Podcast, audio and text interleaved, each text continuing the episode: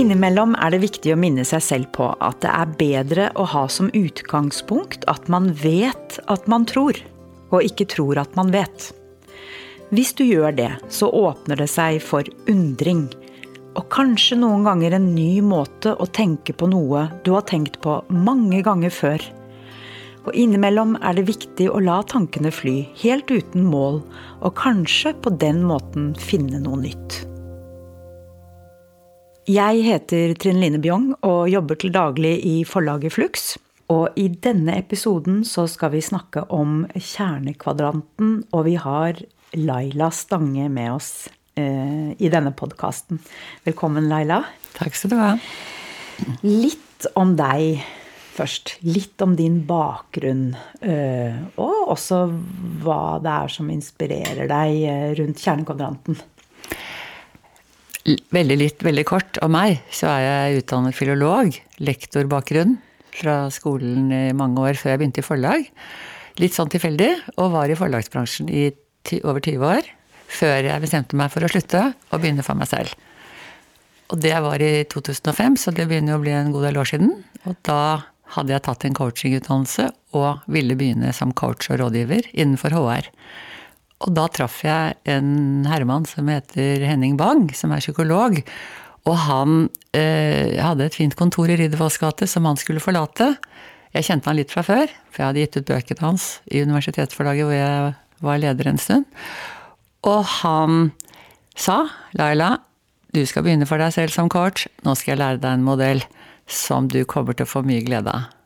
Og den kalte han talentoverslag. Det var i kjernekvadranten. Og det Den modellen, den bare ble jeg umiddelbart veldig betatt av, og tok kontakt med Daniel Hoffmann i Nederland, som er mannen bak denne modellen. Ja. Og fikk tak i boken hans, og ble kjent med han. And the rest is history. Ja. ja, så det er historien bak. Fint. Eh, dette skal vi komme tilbake til. Mm. Men jeg, ofte så stiller jeg spørsmålet i starten bare for å bli litt bedre kjent med de jeg snakker med. Mm. Eh, og fordi det eh, opptar meg selv. Da du vokste opp i barndom, tidlig ungdom, mm. hva var det som inspirerte deg? Eller hvor fant du inspirasjon hen?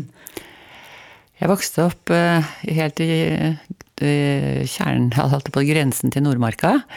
Og det, der var det en slalåmbakke som er nedlagt nå, som heter Rødkleiva.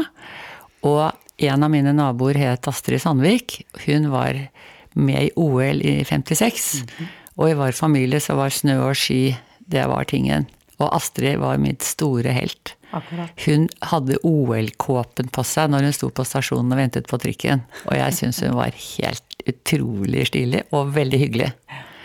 Så det vil jeg si er en sånn, sånn Det var nok en veldig viktig inspirasjon for meg. Og det at hun var veldig modig og samtidig så hyggelig og uh, vanlig.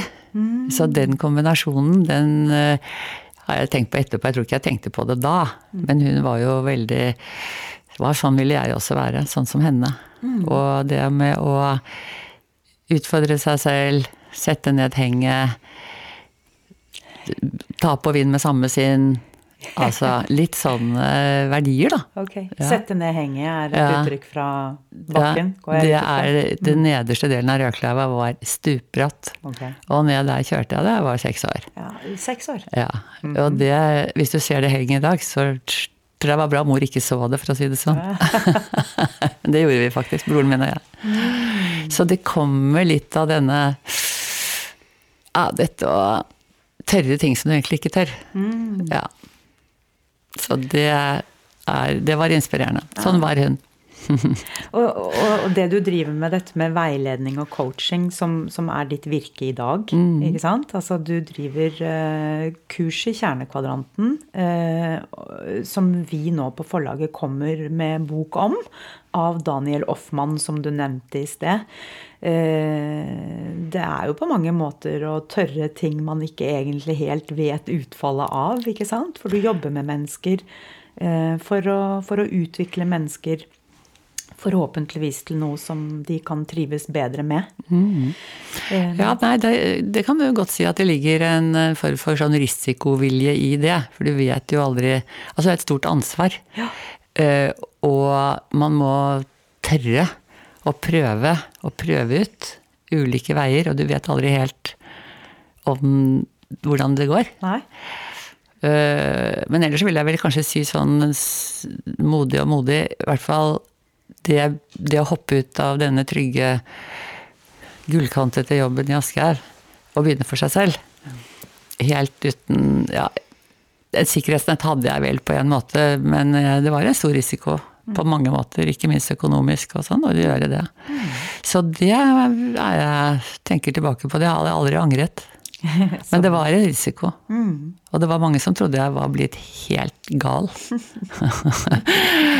ja, og litt gal skal man kanskje være. Noen ganger. Og da når du gjorde dette, så, så syns jeg å huske at du dro til Frankrike på et kurs. Det var noen år etterpå. Mm, fordi jeg ble jo kjent med Daniel Hoffmann, for jeg fikk tak i boken hans. eh, Og kompetiserte, kommuniserte. Men så ble han liksom litt borte for meg. Men jeg brukte modellen i coaching.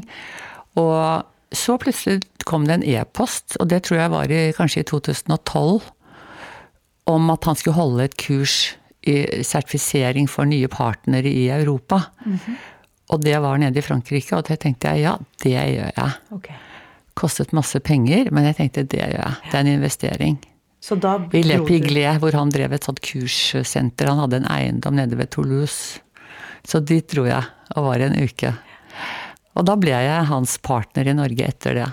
På Kjernekvadrant. Ja, For å holde utdanningskurs for nye trenere i Norge. Ja. Ja, Sammen med mange andre fra Danmark og Sverige og Ja. Frankrike også. Mm. Så da kommer vi til eh, eh, Det var 2013.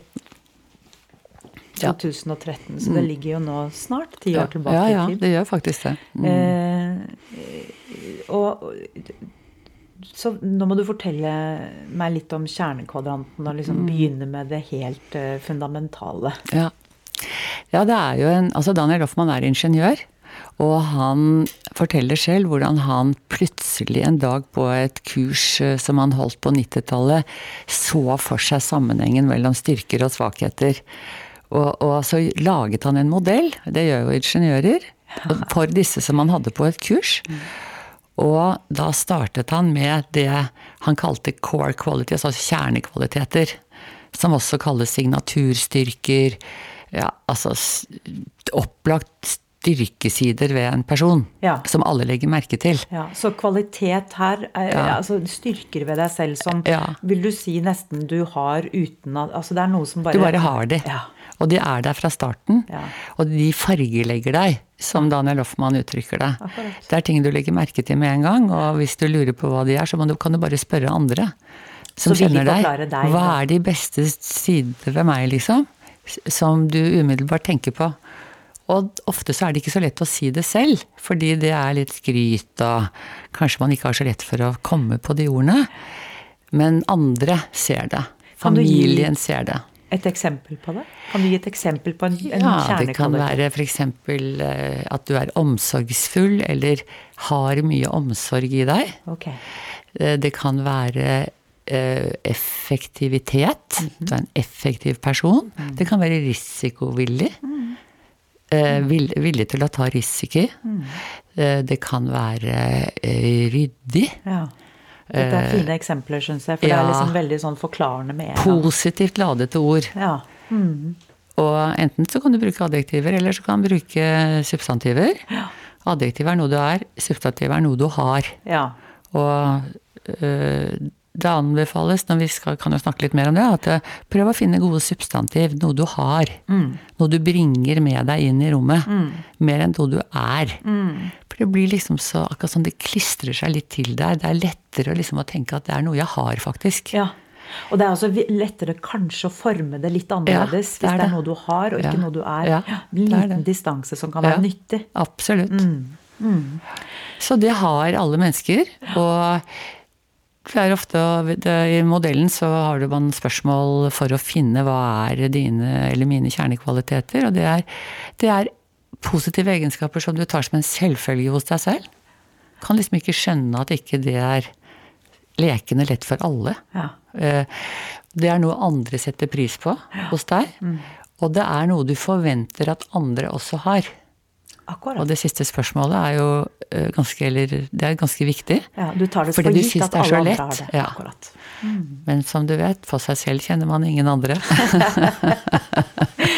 Ja, fordi du har da dette med kjernekvaliteter. Ja. Og så, fordi hvis man skal lage det visuelt, så er det liksom som fire uh, Modellen består av fire deler. Ikke sant? Fire deler. Ja. Og en av de så kan du putte kjernekvalitet inn i den delen. Ja, det er liksom du- utgangspunktet. Ja, nemlig. Det er der du starter. Ja. Med, et, eh, med, med noe du liker og trives med, Ja. og som andre ser godt i deg. Ja. Og så hva skjer videre når du jobber med denne modellen? Det som er en litt sånn øh, interessant ting ved disse kjernekvalitetene Daniel Loffmann bruker ofte bildet baksiden av medaljen. Mm.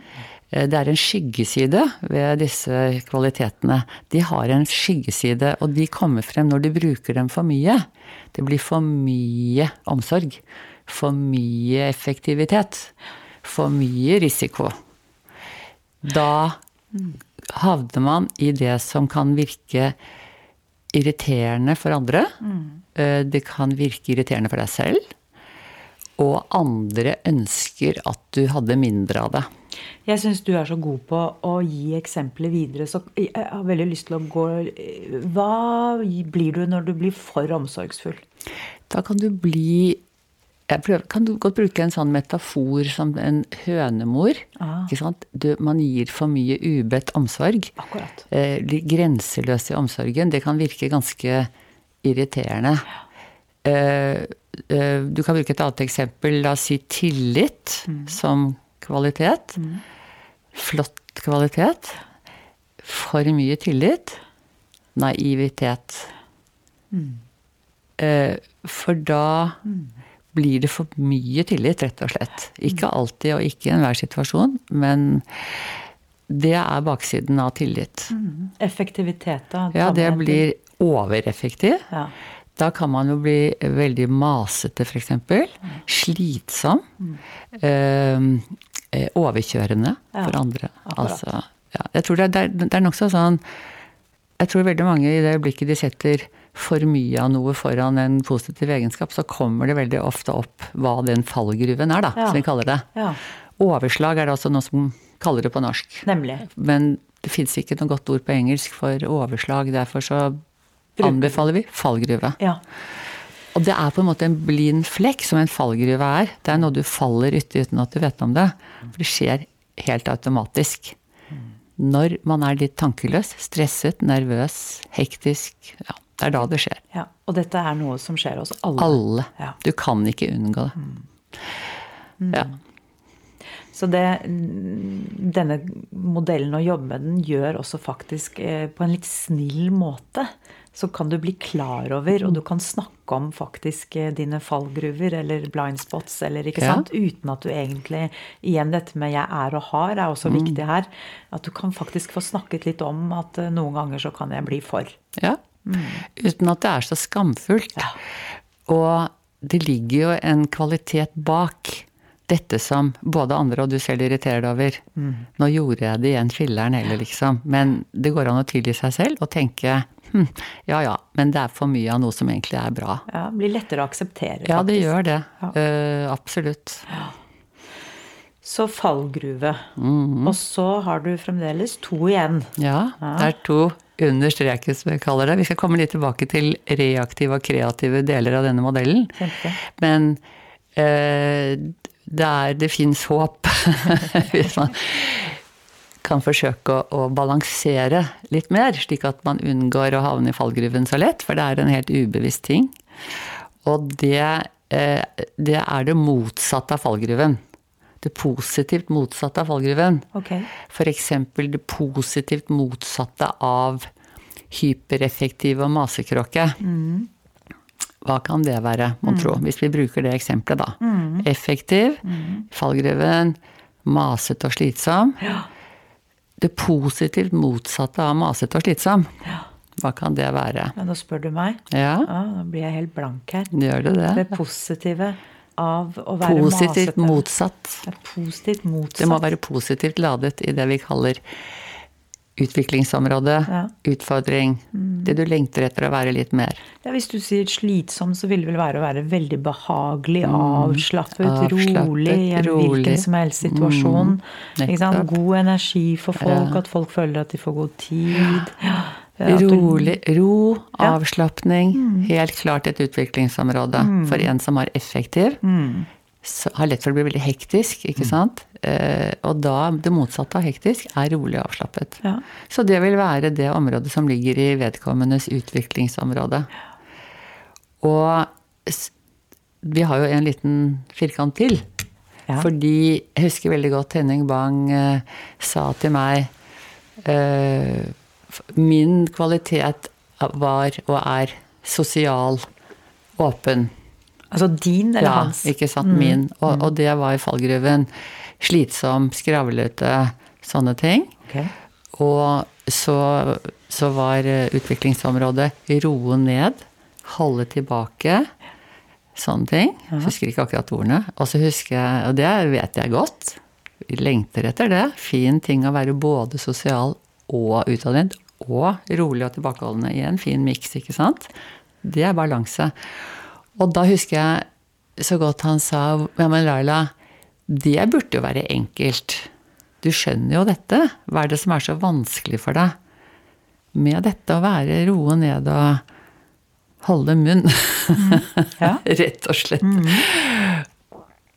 Og da tenkte jeg ja, hvorfor er det så vanskelig? Og svaret ligger i det som heter allergien i denne modellen. Det er den fjerde delen, som er det motsatte av kjernekvaliteten. Ikke sant? Sånn at hvis du tenker deg denne, denne, modellen Det du tok da nå som eksempel på ja, deg selv? Ja, Sosial utadvendt. Eh, overslag, masete, skravlete. Eh, utfordring, roe ned, holde tilbake. Allergi, det motsatte av sosiale sosial og åpen. Lukket, sær, eh, kjedelig, kanskje. Tror kanskje det, jeg tror kanskje det var det ordet jeg kom, det kom opp med. Ja. Eh, Det kan være mange ord. Man må finne det ordet som passer. Og frykten for å bli oppfattet som allergien, Ja. frykten for å bli oppfattet som kjedelig, gjør at jeg har problemer med, eller hadde, jeg er blitt litt flinkere til å være stille. Ja. Og ikke være partydronning, for å ta det, si det litt humoristisk. Ja, ja. Ja, det tror jeg faktisk Ja, for det var eh, og, og da husker jeg Henning sa veldig tydelig at eh, det er Uansett hvor mye du prøver, så blir du aldri kjedelig. For du har den kjernekvaliteten ja. Du har. Så den vil alltid være der. Du har så mye å gå på. Så å prøve å være et lite snev av kjedelig, men positivt ladet, kanskje litt stille, og vente litt. Du blir ikke kjedelig av det, vet du. Andre ønsker det for deg. Du ønsker det egentlig selv. Hvorfor ikke prøve? Og fryk, frykten for å havne i allergien er det som veldig ofte gjør at du ikke får til det du skjønner at det hadde vært fint for deg, da. ja, nemlig. Du Det vet veldig godt. Du, du vet det, men du får det ikke til. Nei. Av en eller annen ubevisst angst for å bli sånn som allergien. Akkurat. Ja, det er, det er logikken. Og så sier du noe om at du, du tror du har blitt bedre. Hvor, Ja. hvor lenge siden var det Henning Bang sa dette til Dette var i 2005. Ja.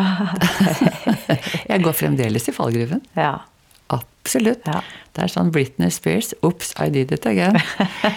Men jeg er eh, Jeg vet at jeg kan være sosial og underholdende på en rolig og tålmodig måte. ja. Og jeg kan være rolig og tilbakeholdende på en sosial måte.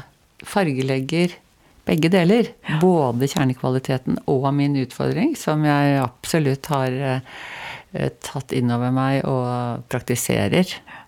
Går ikke an å ikke være det sånn når du driver som court, f.eks. Nei, det er nemlig det. Og det er det jeg opplever også. Uh, Offman sier jo selv, det har du sagt flere ganger, har jeg hørt, det tar ti minutter å lære denne kvadranten, mm. og et helt liv å utforske. Mm. Så er, jeg liker godt det. At det er mer noe du kan gå tilbake til og faktisk bruke i situasjoner. Og stille deg selv spørsmål. Hvor, hvor er jeg nå? Hva gjør jeg nå? Ikke sant? Det Eh, det er en veldig enkel modell. Den er veldig enkel. Den er besnærende enkel. Mm. Og det tar ti minutter å forklare den på en serviett for en venn på en kafé. ja. uh, og det kan føre til at den blir litt sånn selskapslek. Eh, litt sånn uh, underholdnings uh, Sånn ja. at man setter labels på hverandre og driver og tuller litt med allergier og sånne ting. Mm. Og det er ikke det at det er så farlig, men det er ganske mye mer i denne modellen mm. enn bare det som er logikken på overflaten. Absolutt. Og lek mm. har jeg veldig sansen for. Å ja. lære seg gjennom lek. Absolutt. Ja, det setter seg godt. Mm. Ja. Og det liker vi, de fleste mennesker. Å leke mm. seg til kunnskap eller mm. visdom. Det er ikke dumt. Men du nevnte i sted reaktiv og Reaktiv og kreativ. Ja. Eh, det er Daniel veldig opptatt av, de to ordene. Mm -hmm. Reactive and creative. Det er de samme bokstavene, bare litt forskjellig rekkefølge. Eh, I denne modellen så er det to av disse fire feltene som er kreative områder. De inneholder noe, noe man er for. Kjernekvaliteten og det du lengter etter å utvikle mer av. Ja. Det er kreative deler av modellen. Du ønsker mer av det, og andre ønsker mer av det. De to andre, altså fallgruven og allergien, er reaktive områder. Det ønsker du mindre av. Du vil gjerne unngå det. Du er imot det. Og det samme gjelder allergien. Så øh, Og når Daniel Hoffmann snakker om modellen, så så øh, Og vi Du har jo vært på Du kjenner jo denne modellen godt, Trine Line. Mm. Så du kan kjenne det når du går jo an å øve seg på modellen fysisk. Bare ved å være ute på gulvet og bevege seg rundt. Så kjenner du positiv energi når du er i kjernekvaliteten og i utviklingsområdet ditt. Så når du nå sitter og snakker, så bruker du hendene ja. dine, og du går liksom fra den ene ja. til den andre. Når du sier 'gå på gulvet', så vil det si at i dette kurset så gjør du faktisk ja, det. Du får folk til å stå opp og gå ut og stå i kvaliteten og si det høyt. Og bevege seg fra kvadrant til kvadrant. Ja, absolutt. Mm. Og da kan du merke det selv, mm. og du ser det på personen. At det er, foregår noe positiv energi. Det er noe du er for. Det er noe du er stolt av. Mm. Det er noe du lengter etter. Mm. Mens når du går i fallgruven og uff, nei, den delen av meg liker jeg ikke så godt, det må jeg prøve å unngå. Mm. Det er noe litt sånn huff, så flaut. Nå, nå, gjorde jeg det igjen. Uff. Det er sånn etter selskapsliv tenkte jeg ah, nei, ikke sant?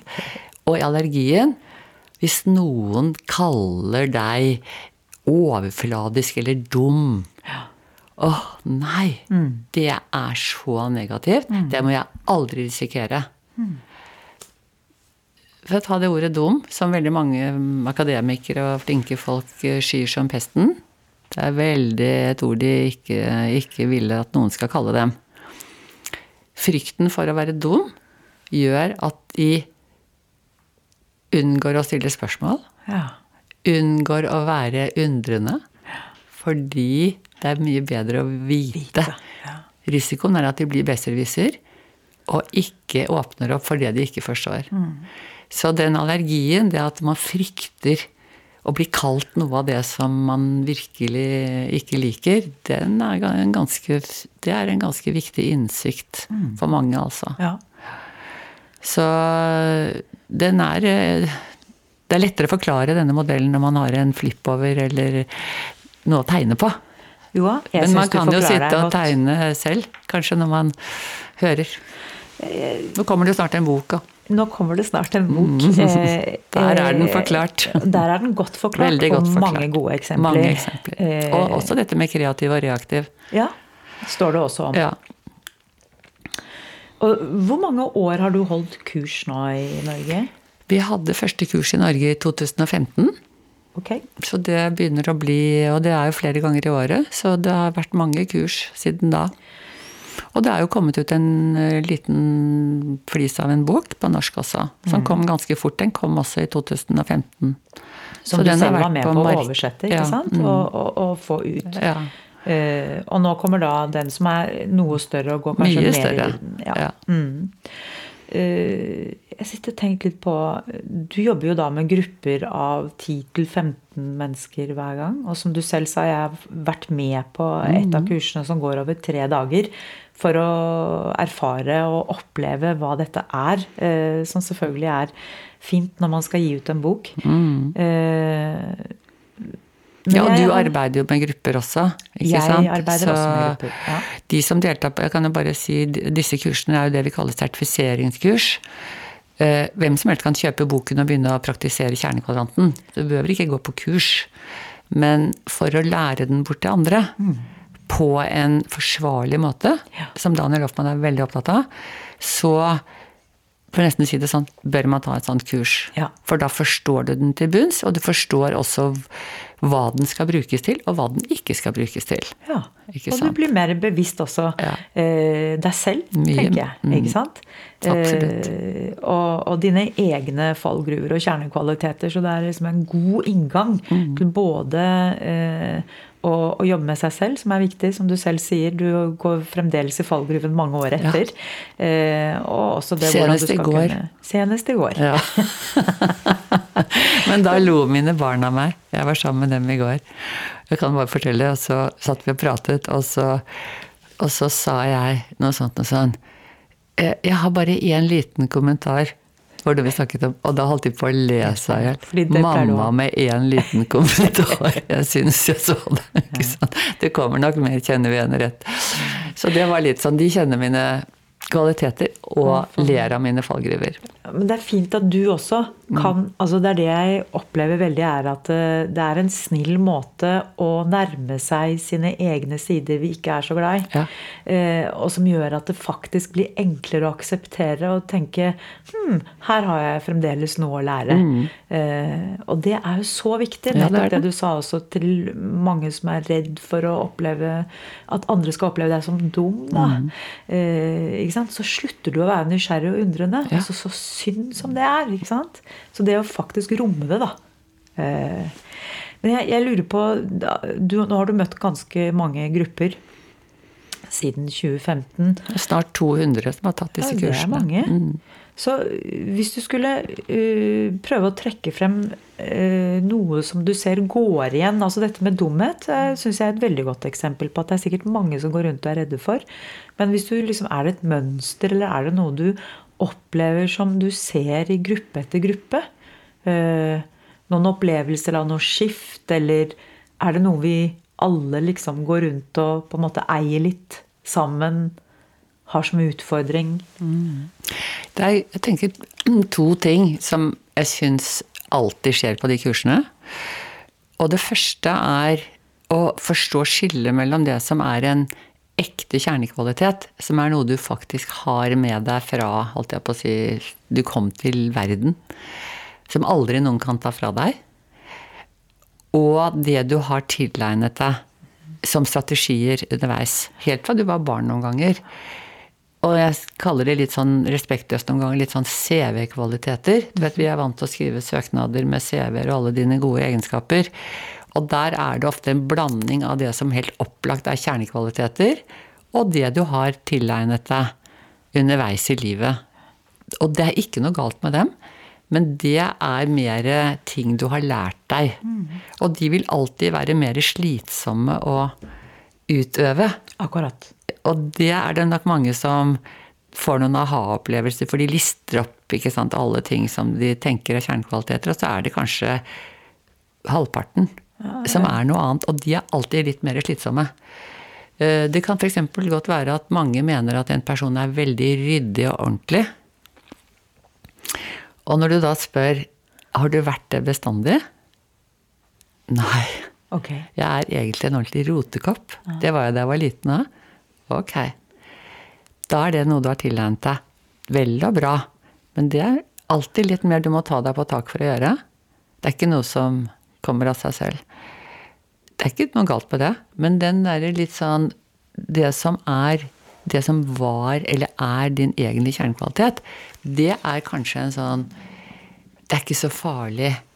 Tåler litt rot. Mm. Trives med litt kaos. Mm. Det er jo en kjernekvalitet som er ganske interessant mm. for en person som kanskje er veldig sliten av å alltid måtte være så innmari ryddig. Ja, og, og, det er også at du kanskje Det går på ø, bekostning etter hvert. Fordi du har tillært deg noe som du vet folk liker, eller ja. du har en oppfattelse av at sånn burde jeg være. Du gjør det for å levere noe til andre. Nemlig. Mm. Og, så, og, så, slipper du det som kanskje er så ja. viktig for deg å, å, ha med deg. Og som du kanskje lengter etter. Ja. Og som folk kanskje sier Du kan jo bare slappe av. Mm. Trenger ikke være så ryddig her, vet du. Ja. Det er jo det du lengter etter. Så, og når noen ser den derre At det kanskje er helt omvendt. Du har det du lengter etter, og så gjør du det du fyller på med for å lage balanse. At det er to kreative områder, mm. men de kan bytte plass. Mm. For da forandrer hele kjernekvadranten seg. Mm. Og det opplever vi ganske ofte på de kursene. En god del som oppdager sånne det vi kaller maskekvadranter. da. Maskekvadranter. Ja, det er ikke så lett å forstå det hvis du ikke eh, er i en gruppe og lærer det. Nei, men jeg liker veldig godt at ja. du tilegner deg noe som, eh, ja. som, som, du vet at folk eh, ønsker, og som du selv tror er riktig og viktig å være. Ikke sant? Og samtidig så dette da det som kanskje er egentlig gullet, da. på en måte. Gullet. Det er også det som Henning Bang kaller det. Oh, ja. Og han kaller det det gullet. Okay. Uh, og gullet kan være noe du har med deg. Uh, og så lengter du etter noe, noe gull som, som, andre har, som du skulle ønske du hadde mer av. Mm. Så den gullgravingen på, lengs, altså på utviklingsområdet hva er det du lengter etter at du skulle ønske du hadde litt mer av? Og hva holder deg tilbake? Det er allergien. Ja. Så det er den oppdagelsen der, den, den, er det mange som er glad for på de kursene. Du sa to ting. Ja, og det andre er at du forstår at bak enhver irriterende ting, egenskap, hos deg selv og hos en annen person, kommer fra noe som er veldig positivt. Én ting er at du kan tilgi deg selv lille fallgruver, men tenk deg hvor innsiktsfullt det er at du skjønner at det du irriterer deg over den andre, det kommer fra et veldig positivt sted. Så du kan ha fokus på det som er positivt, ikke på det du irriterer deg over.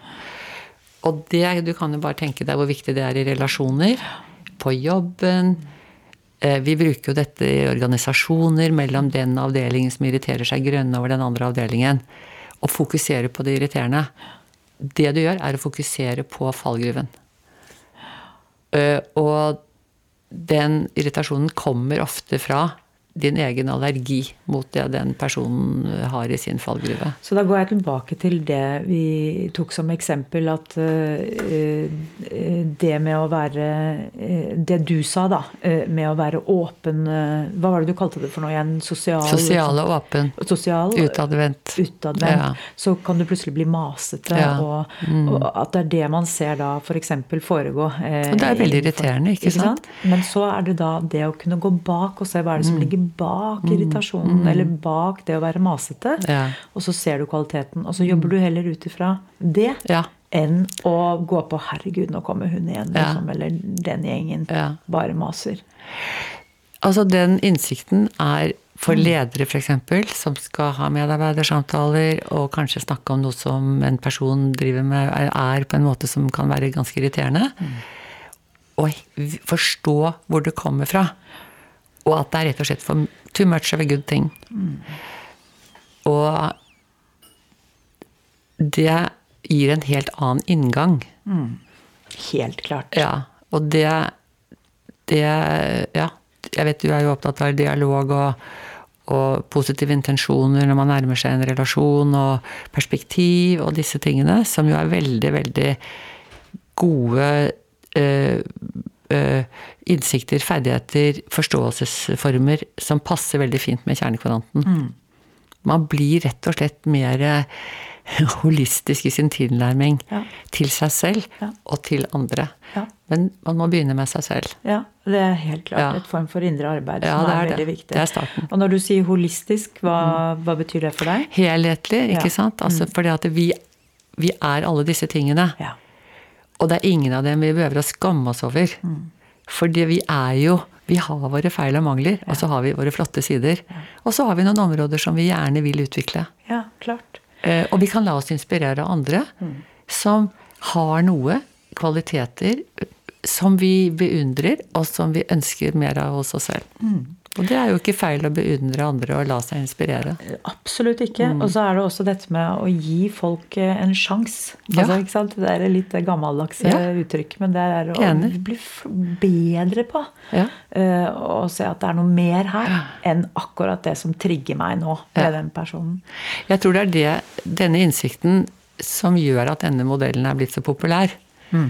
Fordi alle forstår den instinktivt. Ja. Og så er den så befriende ved at den er så positivt gr grunnet. Ja, Uh, uten at den er banal. absolutt. Og den, den Daniel Loffmann er veldig opptatt av å understreke at disse, denne sannheten altså Han har bare laget en modell. Men denne, denne polariseringen av dette som denne modellen Den har vært der bestandig. Du kan gå til de gamle klassikerne. Absolutt. Der har du det. Yin og yang. Altså, du har det i universet, som han sier. Ja. Ja, og det, uh, men det er det å, å bli bevisste Ja. og, og bli minnet på det. Mm. Og at dette er en modell som, som du sier er enkel å begripe. Ikke sant? Og det gjør jo at uh, mange setter pris på den. Ja. I Nederland er denne modellen brukt i alle skoler. Ja, det er så så og bra. det er eh, Jeg vet ikke der Vi har vært forsøkt å få den inn i Få norske skolemyndigheter interessert, men foreløpig ikke lykkes. Kanskje det hjelper at det kommer en ny bok. Kanskje. Ja. For barn kan også forstå dette. Tusen takk, Laila. Jeg syns dette har vært en fin innføring i kjernekvadranten. Kan godt være at vi tar en prat til. Det er hyggelig å være med. Takk skal du ha.